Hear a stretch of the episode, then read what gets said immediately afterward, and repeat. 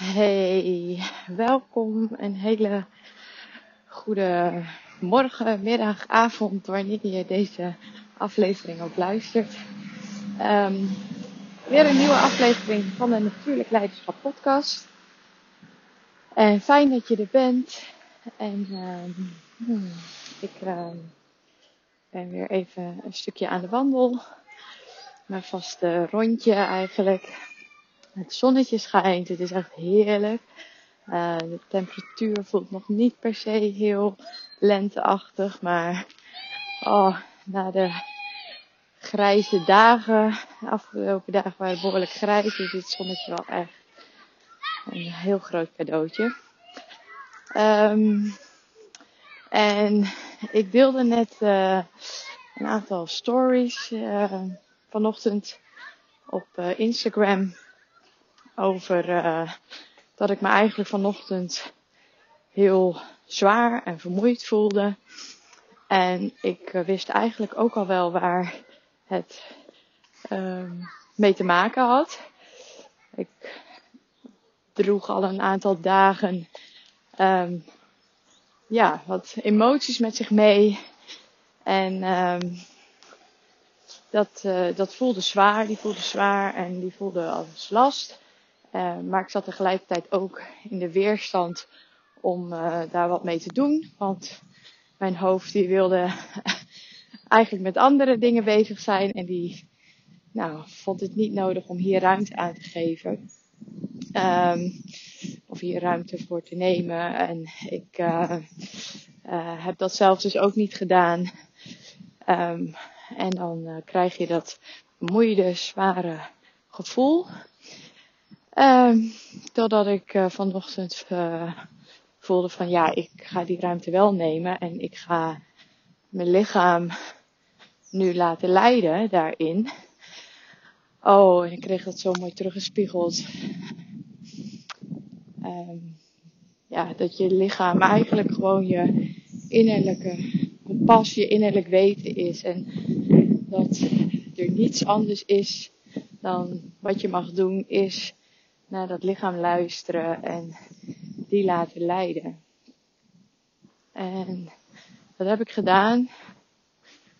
En heel intuïtief gewoon gevoeld van oké, wat heb ik nu nodig? Wat heeft mijn lichaam nu nodig?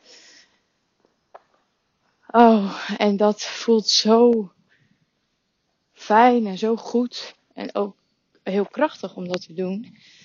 Omdat ik nu buiten loop en na een, een release, emo, emotionele release, um, is dat zware gevoel weg. En hoef ik dat niet meer mee te dragen. Ben ik uit de weerstand. En omdat ik dat toe heb gelaten.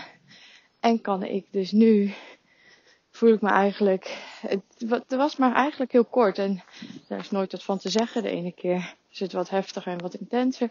En dit keer was het maar heel kort. Maar door dat te doen en mezelf dat te geven en dat, dat te doorvoelen, die emoties die er zitten, uit die weerstand te komen, oh, voel ik me nu zo goed en licht en fijn en krachtig.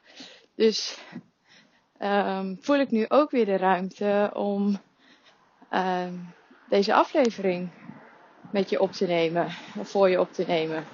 En iets met je te gaan delen. Uh, en dat was anders vandaag er echt niet van gekomen. Dan had ik die inspiratie en die kracht niet gevoeld. Dus um, ja, wauw. Eigenlijk heel dankbaar nog los. Sowieso dat ik um, die veiligheid in mezelf heb gecreëerd. En die connectie met mijn lichaam, dat die zo sterk is. En dat ik uh, weet, intuïtief eigenlijk weet hoe ik me daardoor mag laten leiden. Maar ook wat het daarna dus met je doet. En uh, wat je daarna dus ook door dus heel goed voor jezelf te zorgen. Hoe je er daarna dus eigenlijk ook weer voor een ander kan zijn. Um, dus dat deelde ik vanochtend en vanuit daar voelde ik van oké, ik heb al een tijdje dat ik denk, ja hier, dit wil ik graag met je delen. Um, en daar voel ik dus nu ook die ruimte voor en die inspiratie voor. Dus dat ga ik bij deze met je doen. En dat gaat over, heel anders zou ik willen zeggen, maar het raakt elkaar eigenlijk altijd. Um, maar ik wil je graag meenemen in een klein stukje van mijn persoonlijke proces. Waar ik, nou, die vooral de afgelopen tijd best heftig is geweest. Uh, of intens is geweest. Uh, waar ik hele mooie spiegels heb gekregen. Uh, ook eigenlijk best wel confronterend, maar wel super waardevol. En hoe eigenlijk alles wat er nu in de wereld speelt. En dat was er al, maar ik denk dat door hè, twee jaar geleden zijn we, uh, is COVID in ons leven gekomen. En vanaf dat moment heb ik al gevoeld van hé, hey, dit, gaat, we komen in een stroomversnelling. COVID is niet de crisis zelf, maar het legt wel alle schaduwstukken bloot. Alle stukken, alle donkere wat eigenlijk getransformeerd mag worden, komt nu naar de oppervlakte. En ik geloof niet dat er zoiets als toeval bestaat. Tegelijkertijd speelde er heel veel in mijn relatie. En als ik het dan nog dichter naar mezelf haal, speelt dat gewoon allemaal binnen in mezelf. Want alles wat je, wat er aan de buitenkant zich afspeelt, is eigenlijk een spiegel voor je eigen binnenwereld.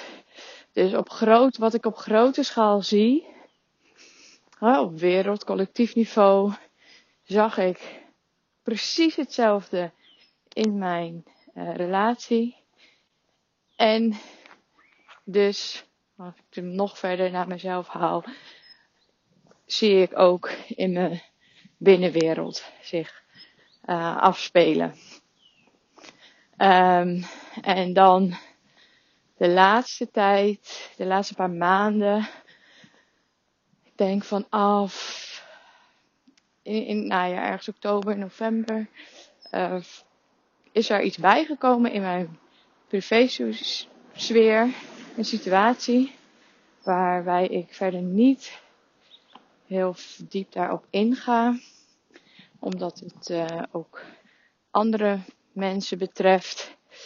Um, kan ik daar niet vanuit integriteit wil ik daar niet verder over uitweiden, maar um, het heeft in mij de witch wound, dus de ja, letterlijk vertaald de heksenwond, maar het is eigenlijk meer de vrouwenwond.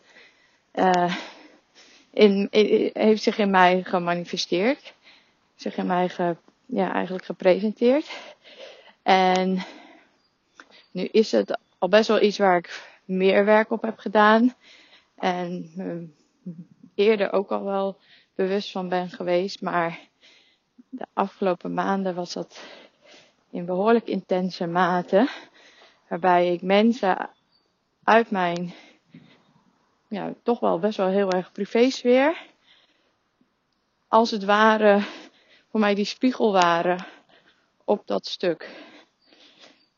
Nou, en die witch wound waar ik het over heb, dat is eigenlijk de collectieve wond die we bij ons dragen um, van het vrouw zijn.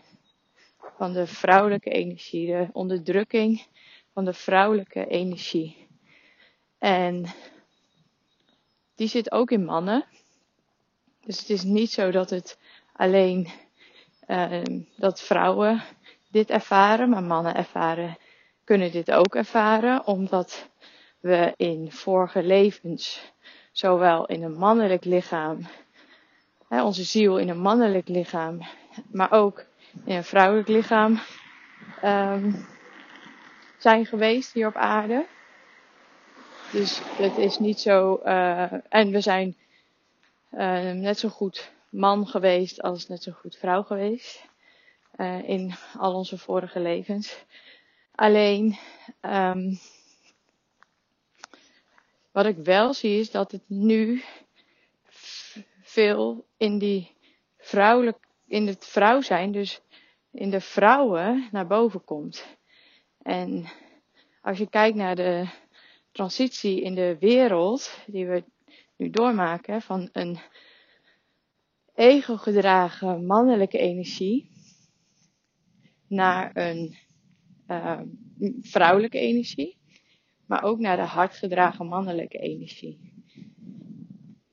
Dus eigenlijk dat stuk mogen we helen. En die vrouwenwond, die witch wound, dat is de onderdrukking geweest van die vrouwelijke energie, van het vrouw zijn. En dat is de onderdrukking geweest door de ego gedragen mannelijke energie. Dus niet door de mannen, hè, um, alhoewel zich dat wel vaak manifesteerde in de mannen, um, is het de, de, de ego gedragen, dus de onvolwassen mannelijke energie, die die vrouwelijke energie heeft onderdrukt. En als we hem heel grof en ongenuanceerd neerzetten, dan is het gewoon een vrouwenhaat geweest die zich in die mannen vanuit die mannelijke energie, onvolwassen mannelijke energie heeft gemanifesteerd, is het gewoon een vrouwenhaat geweest. En een massale um, uitroeiing van, van, van vrouwen en vooral van ongehoorzame vrouwen. Tussen aanhalingstekens, ongehoorzaam. Um, dat is wat die wond is. En dat is een collectieve wond. Dus de onderdrukking van de vrouwelijke energie. Van het gevoel. Van intuïtie. Van het uh, verbonden zijn met jezelf, met de natuur, uh, met een ander. Um, we zijn door, enorm doorgeschoten naar de onafhankelijkheid en naar het afgescheiden zijn van elkaar. Terwijl de vrouwelijke energie gaat heel erg over verbinding. Um, van de sensuele energie. Sensuele en seksuele energie. Um, die onderdrukking. Dat is de witch. En het vertrouwen op je lichaam, het vertrouwen op je intuïtie, het vertrouwen op de natuurlijke cyclus van het leven. Um, die is gigantisch onderdrukt. En daar zijn, ja, ik denk wel miljoenen vrouwen voor afgemaakt. Onder het mom van heks. Onder het mom van dat zij, die vrouwen, een gevaar zijn voor um, de um, voor de, voor de samenleving, voor het patriarch. En dat is voornamelijk gebeurd vanuit, nee, van wat ik zeg vanuit het patriarch, vanuit de kerk.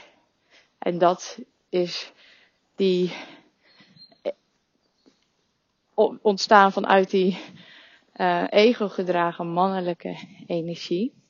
En die manifesteert zich in macht, onderdrukking, angst, uh, controle. Um,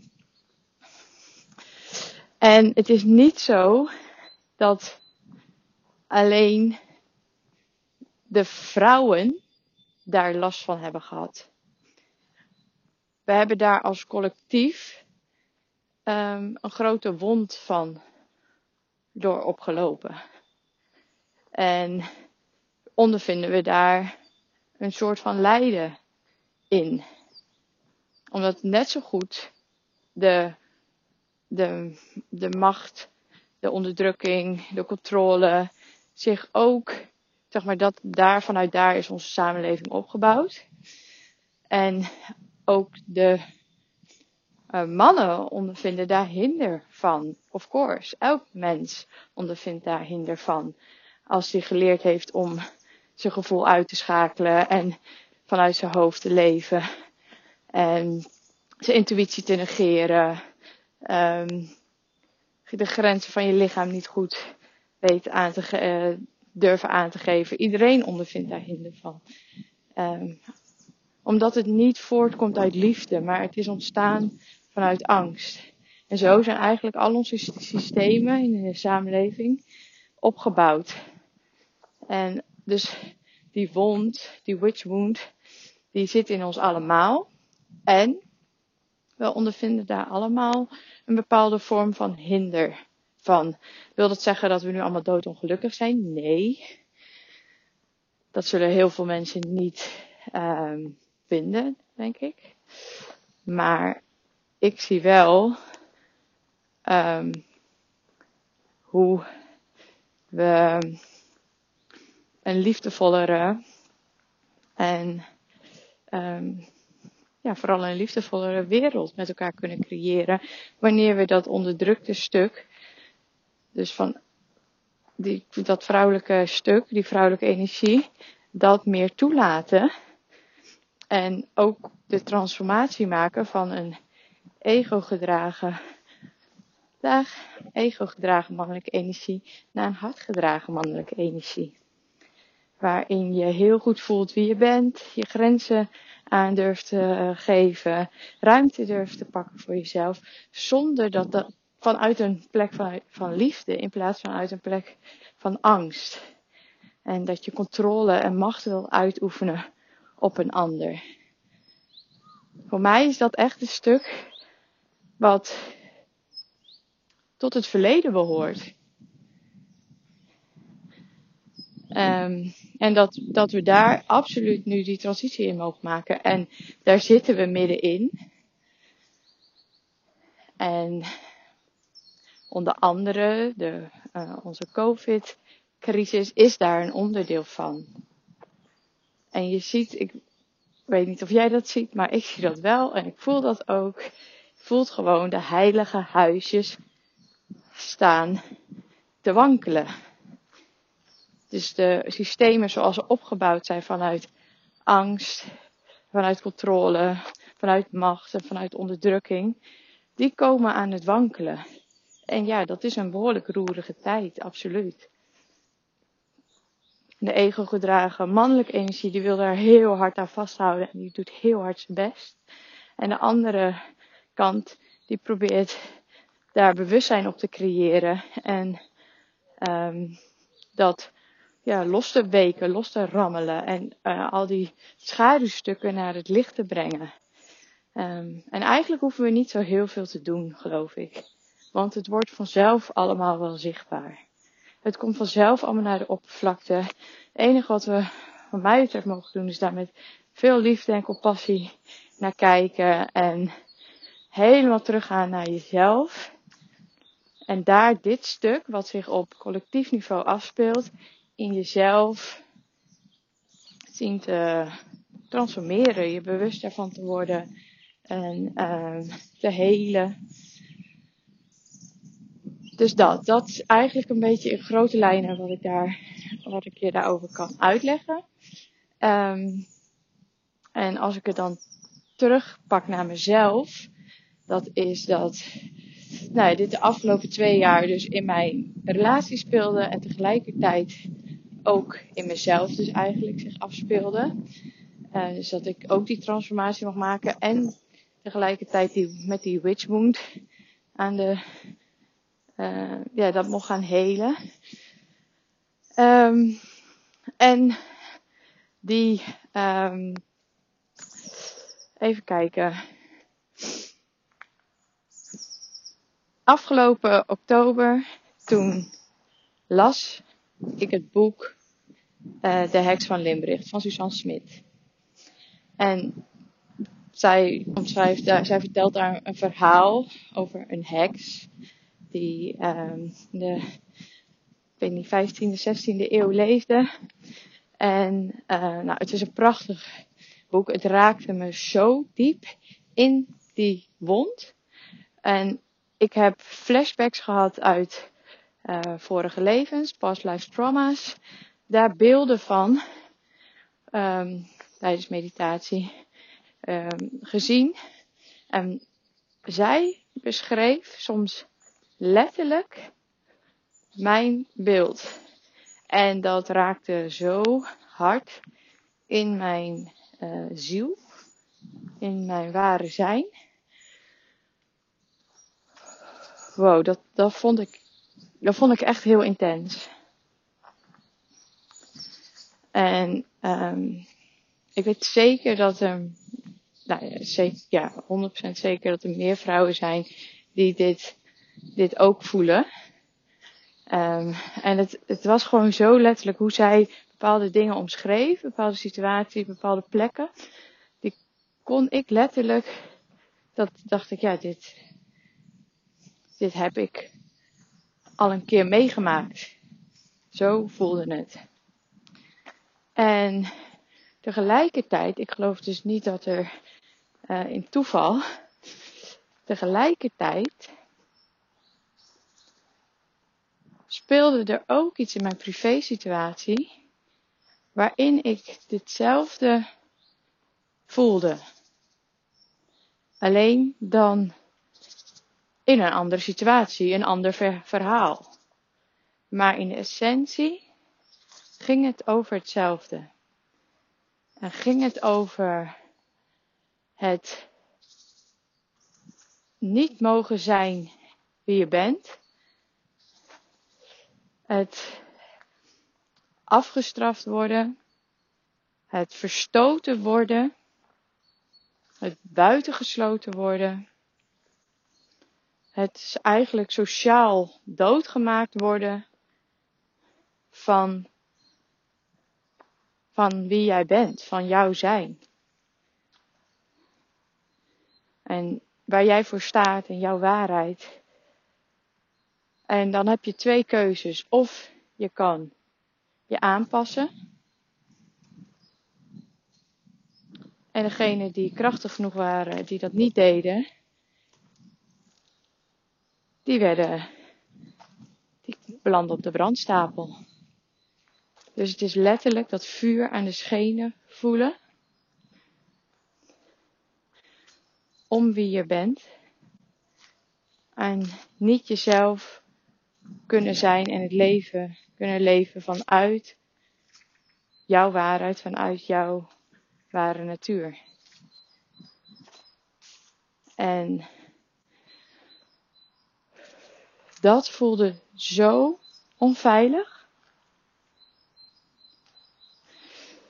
Dus behalve dat op de brandstapel belanden, was er nog een andere optie. En dat was vluchten. Maar ook wetende dat met vluchten jezelf dus buiten de samenleving plaatsen. En dat was in die tijd veel riskanter. Omdat je elkaar toen veel harder nodig had dan nu. dan zoals het nu lijkt. Um, dat was gewoon uh, levensgevaarlijk vluchten. Maar wel een um, Tegelijkertijd het andere scenario was ook even levensgevaarlijk. En die onveiligheid, want daar gaat het eigenlijk over, die onveiligheid die, uh, die ik voelde om niet mezelf te kunnen zijn en mezelf te kunnen expressen en het leven te kunnen leven naar mijn waarheid en naar mijn waarde en vanuit liefde Um, die onveiligheid die voelde zo intens. En er is één moment geweest op een, um, op een moment dat ik dat uh, allemaal toeliet. Um, eerst zat ik nog, was ik ook heel erg naar buiten gericht daarop. Um, dus zat ik heel erg ook in de woede en in de overtuiging en het de bevestiging willen krijgen van die ander. Doordat ik me besefte, wow, dit is zo'n mooie spiegel. wat ik nu, die ik nu voorgehouden krijg. Om dus terug te gaan naar mezelf en te gaan kijken van wow, wat zit daar? En toen, ik had het al een keer gek, gekscherend gezegd, van, terwijl ik dat boek aan het lezen was, van nou, dit is het. De, de heksenjacht is gewoon nog steeds gaande. En als je goed kijkt en als je echt goed durft te kijken, dan is dat ook echt zo. Er wordt nog steeds jacht gemaakt op vrouwen die, voornamelijk vrouwen, maar kunnen ook net zo goed mannen zijn, op mensen die vanuit die ware natuur leven, die voelen van um, dit is niet wat, wat hoe het nu is, dat is niet mijn waarheid. En op deze manier kan ik niet um, mijn leven integer leven vanuit deze systemen. En je ziet niet voor niets dat er steeds meer mensen daar van, vanaf willen. Maar tegelijkertijd worden ze ook weggezet als dat je niet goed snik bent. Of, dus als je goed kijkt, dan is, er nog, is dit nog steeds gaande. En is die onderdrukking nog steeds gaande. Al zullen velen hem niet zo herkennen en het misschien bagatelliseren of zeggen van goh, maak er niet zo'n drama van. Maar ik uh, vertel alleen wat ik zie daarin.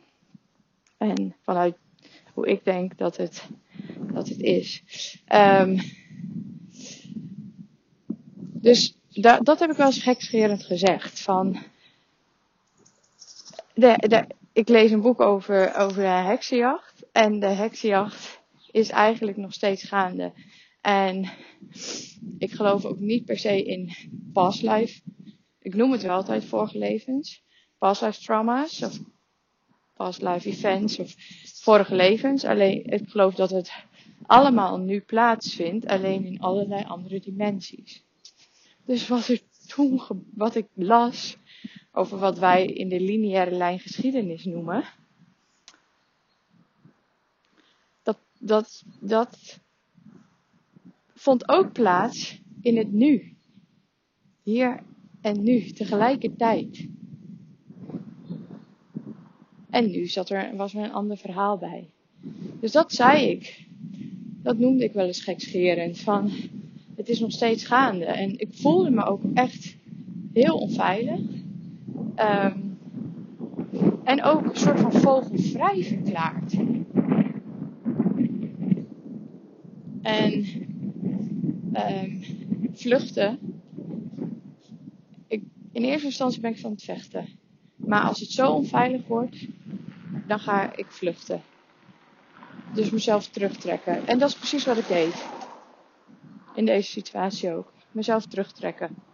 Vanuit zelfbescherming. En tegelijkertijd wist ik ook, hé, hey, hier zit een stuk in mij wat, uh, wat eigenlijk blootlegt, dat, die onveiligheid blootlegt. Dus waarvan ik voelde van, hé, hey, ik mag die veiligheid nog meer in mezelf gaan verankeren. Dat fundament nog steviger neer gaan zetten. Van veiligheid, van verbinding en vertrouwen. Die, drie, die fundamentele drie-eenheid in mezelf verstevigen. Een ander, wat ik ook meer dan genoeg heb gedaan de afgelopen jaren, een andere optie was, en wat, en wat ook helemaal te begrijpen is en waar ik met heel veel liefde en compassie naar kan kijken, is mezelf aanpassen. Heb ik meer dan genoeg gedaan. En nu voelde ik zo sterk, nee, ik ga me niet aanpassen. Ik ga niet nu, omdat ik me onveilig voel, omdat ik niet geaccepteerd word voor wie ik ben. Mezelf maar aanpassen in de hoop om wel geaccepteerd te worden. En dat komt natuurlijk allemaal voort vanuit die angst om verstoten te worden, om afgewezen te worden en uh, om buiten de groep te vallen. En dat was destijds, in de oudheid, vroeger, uh, in de oertijd, bedoel ik, ook levensgevaarlijk om buiten de groep te vallen. Maar dat is nu, dat is nu niet meer zo. Al kunnen die angsten zeker wel realistisch zijn. En kunnen die angsten er ook voor zorgen dat je bepaalde keuzes maakt. En nu voelde ik zo sterk, nee, dit ga ik niet doen. Ik ga me niet nu laten vertellen hoe ik als het ware mijn leven moet leven. En dat wat ik doe niet goed is. Dus ik wist, daar zit voor mij een enorm stuk op. Om, die, om dat vertrouwen in mezelf te uh, blijven voelen. Om nog meer die veiligheid in mezelf te voelen. En om continu die verbinding met mezelf te blijven maken. Met mijn waarheid, met mijn lichaam. Uh, maar ook tegelijkertijd met mijn hart. En dus ook uh, liefde en compassie te kunnen voelen voor mezelf. Maar ook voor die ander. Voor diegene die die spiegel, die mij die spiegel voor hebben gehouden. Oké. En ik vertelde al even dat ik in, die, in dat boek die, die flashbacks uit mijn, uit, van past life trauma's eigenlijk al, ja, dat die zo real voelde. Dat ik dacht van, hè, dat is eigenlijk, dit gaat gewoon over mij. Um, dus die herinnering die was heel intens, die kwam naar boven. Uh, en er was één moment dat ik dat, dat ik dus in die situatie, in die huidige situatie, dat ik een moment nam voor mezelf om het, uh, dat was eigenlijk ook wel een beetje het hoogtepunt waarop uh, dit, hele situatie was, was, ja, was gekomen. En ik nam een moment om dat voor mezelf te doorvoelen. Dus ik ging van, van hen en van buiten mezelf naar binnen in mezelf, naar mezelf toe terug. Ik ging liggen op bed. Ik sloot me, nee, ja, ik, ik barstte in huilen uit. En ik sloot mijn ogen. En ik wist direct, het was zo intens wat ik voelde. Die pijn en die onveiligheid. Uh, maar ik kon erbij blijven, handen op mijn buik. Uh, rustig doorademen en het eigenlijk maar gewoon maar er aan overgeven. Um, voor alle geluiden die voorbij komen. Waaronder een grote kus. Um, en ik, ik kon dat toelaten. Maar het was zo intens dat ik direct wist. Het, het kwam zo uit zoiets dieps dat ik direct wist, dit gaat niet alleen over deze situatie. Dit is niet alleen van nu. Dit is niet alleen van wat er nu in mijn huidige leven, in, mijn, in dit bewustzijn waar ik nu ben en in het lichaam waar ik nu ben, zich afspeelt dit is van andere, dit komt ook uit andere levens. En of, die nou, of dat nou vorige levens waren of andere levens in de tegelijkertijd, dat maakt niet uit. Ik wist, dit uh, is zoveel groter. Alle pijn die daar uitkwam, een intense verdriet en een intense onveiligheid die ik voelde, uh, ja, die was zo groot dat ik eigenlijk wist, van nee, dit is niet van nu. En toen ik mijn ogen dicht deed, toen, um, ik ben heel visueel, dus bij mij komt het altijd direct in beelden. Toen ik mijn ogen dicht deed, zag ik die flarden van die andere levens, van, van paniek, van vluchten. Het zijn altijd maar fracties van beelden, fragmenten, um, flarden. Blote voeten in het bos, uh, rennen, achterom kijken. Uh, het gevoel van dat je niet veilig bent, dat je opgejaagd wordt, dat je moet vluchten, dat je niet veilig bent. voor wie, in de kern voor wie jij daadwerkelijk bent. En dat is denk ik ook wat, wat daarin zo hard raakte. Dat het, het ging zo over mezelf als mens, als ziel, als waar, waar ik voor sta, mijn waarheid. En die eigenlijk um, nou, zo niet geaccepteerd werd. Um, ja, dus dat, dat, kwam dat kwam naar boven. En die flarden, die zag ik. En toen wist ik ook, oké, dit gaat niet alleen over nu. Want ik heb nu niet op die manier door een, op blote voeten door een bos gerend. Achterom kijkend of ik na, achterna gezeten werd en uh, opgejaagd werd en vrezend voor mijn leven. Dus dat, maar ik zag die beelden wel, de, uh, wel degelijk. Um, en na dat stuk, en wat nog tegelijkertijd daarin ook meespeelt, wat ik je, wat eigenlijk, ja, nou ook weer geen toeval is dat dat op dat moment speelde, is dat ik een paar weken daarvoor met ziek op bed had gelegen met COVID. En best behoorlijk ziek. Um, en, en mijn vader opgenomen in het ziekenhuis met, uh, met COVID. Dus dat was best wel even een pittige situatie. Um, gelukkig is het allemaal goed gekomen. En, maar ik lag tegelijkertijd ook ziek op bed.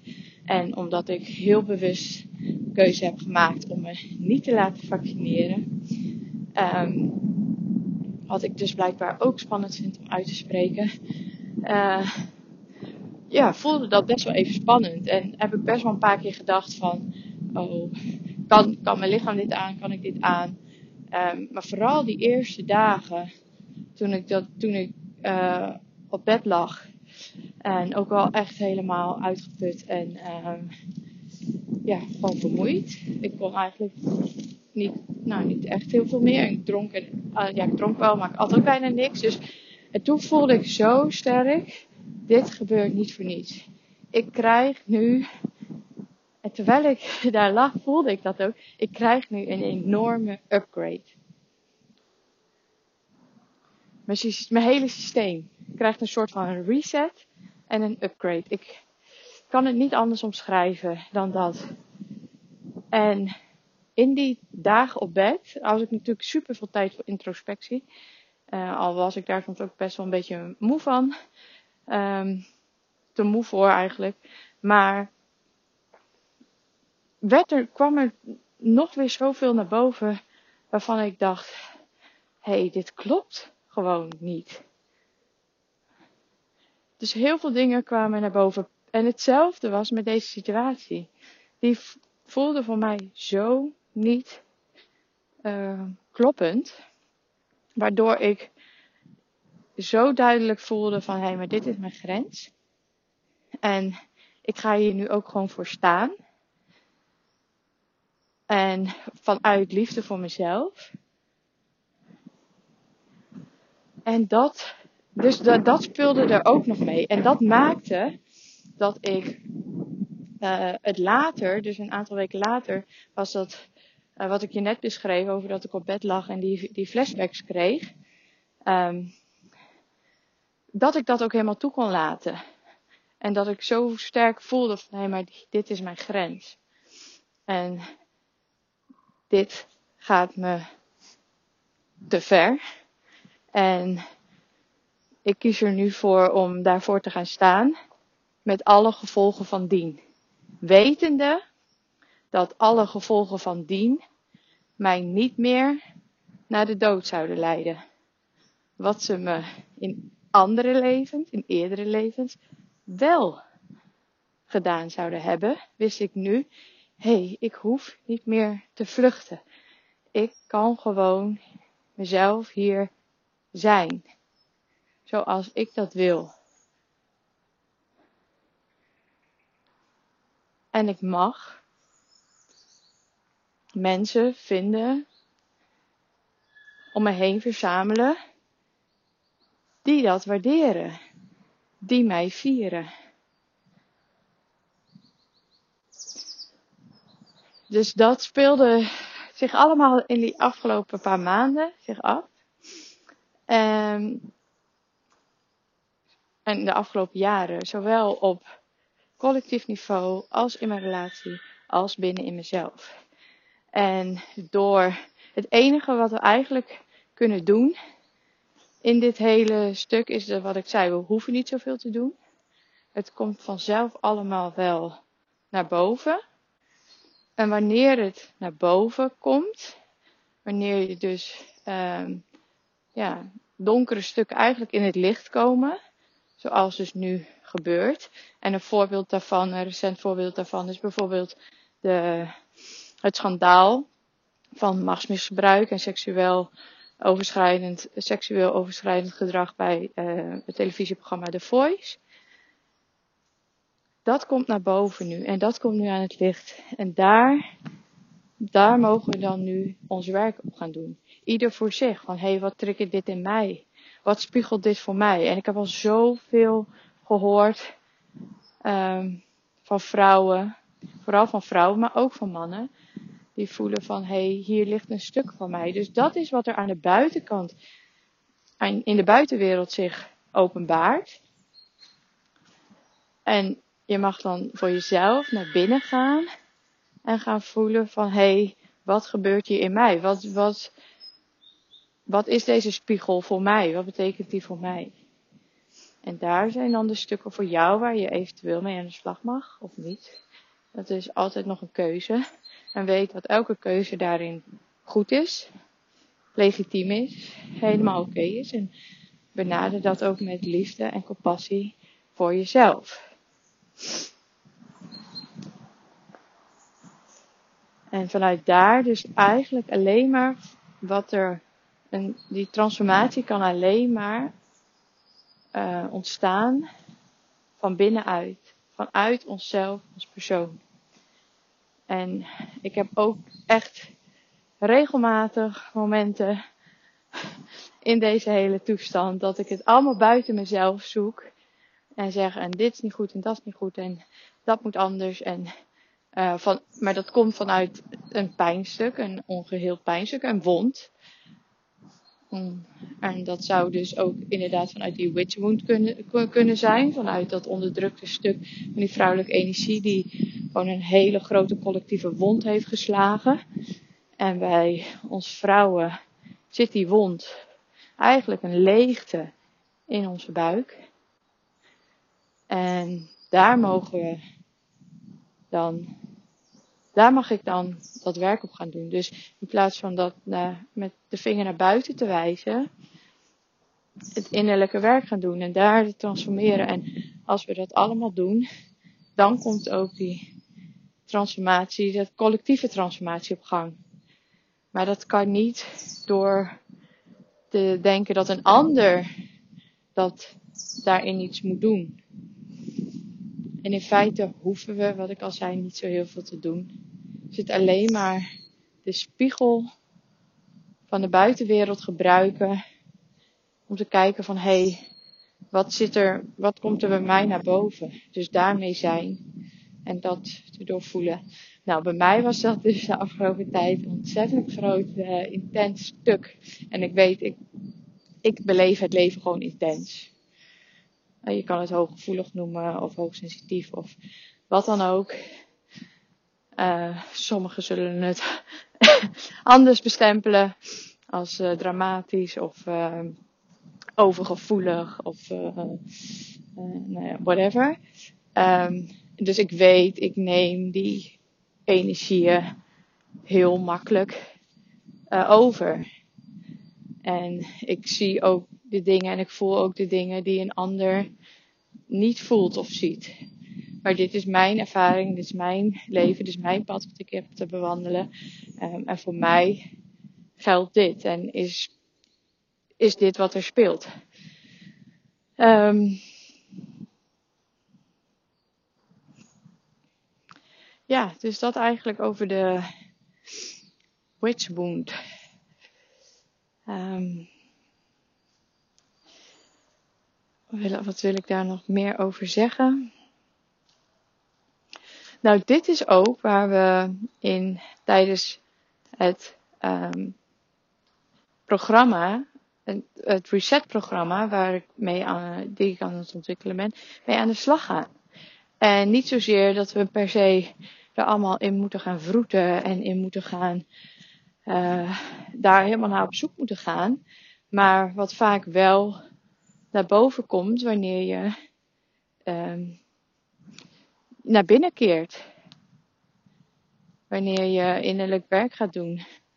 En dus zonder daar ontzettend hard in te gaan graven en allerlei wonden open te moeten rukken, is dit wel wat er naar boven kan, wat er kan, naar boven kan komen. En die witch wound, die, dat die collectieve witch wound, die voelt misschien heel groot en zwaar, maar weet ook dat die zich in bijna alle vrouwen zich ook manifesteert in het klein houden, in het aanpassen, in het niet durven gaan staan voor je eigen waarheid en voor wie je werkelijk bent.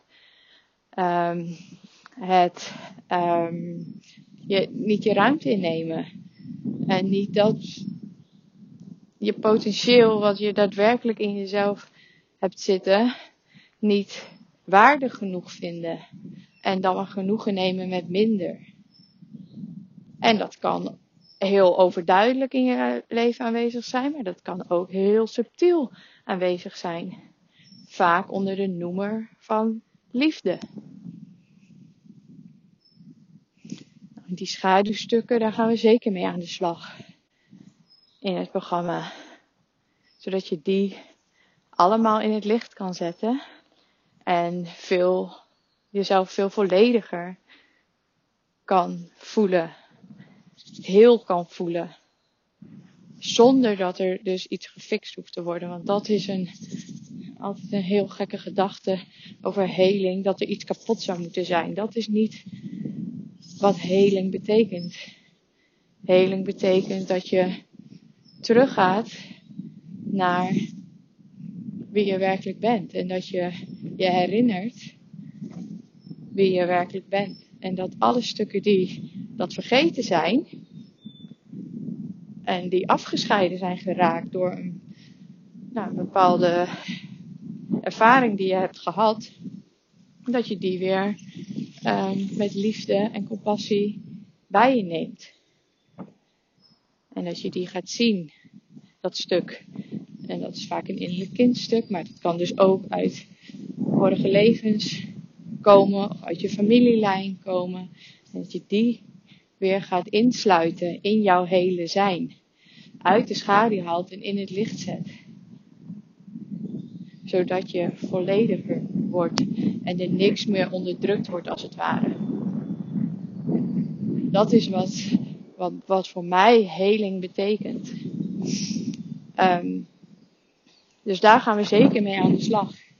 Um, en in hoeverre dat voor jou dus uh, nu zichtbaar is in jouw leven, ja, dat, dat weet ik niet. Dat durf ik niet zeggen, maar weet dat dat ook heel subtiel kan zijn.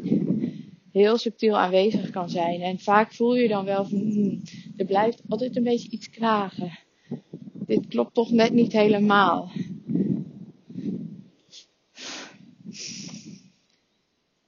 Goed, dus in, in het, het grote collectief kan het misschien heel zwaar en als heel veel voelen en als heel intens voelen, wat ik je verteld heb. Um, en zo voelt het soms ook voor mij. En dan is voor mij ook absoluut de uitnodiging. En die doe ik dus nu ook voor jou. Om, om er dus niet een heel groot drama en het heel zwaar en als lijden te maken. Lijden met een lange ei. Um, om het terug te halen naar jezelf. En te gaan voelen van, hé, hey, waar zit het nog bij mij? En wat we in het programma, het Reset programma doen, is echt dat stuk, dat innerlijke werk, dat naar binnen keren, die veiligheid, het vertrouwen en de verbinding weer herstellen of verstevigen als het ware. Als het ware, dat zijn als het ware de wortels en de grond waarop gebouwd mag worden, waarop gegroeid mag worden, waarop je volledig tot bloei mag komen. En in het reset-programma gaan we helemaal terug naar die basis.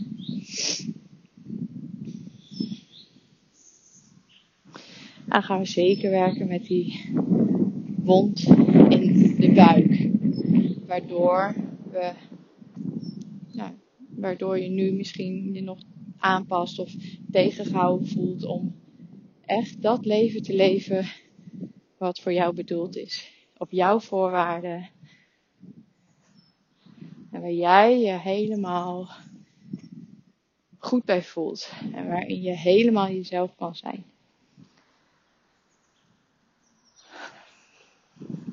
Dus vanuit daar een upgrade maken in je leven, in je onderneming. Voluit, uh, in vrijheid en in flow. Vervulling van binnenuit.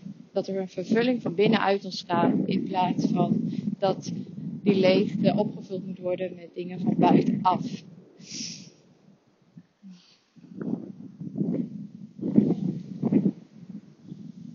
Ja, dat was hem.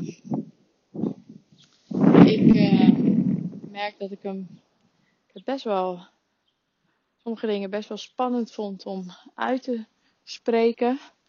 Maar tegelijkertijd voel ik ook, ja, dit is wel gewoon wat ik mag uit gaan spreken. En uh,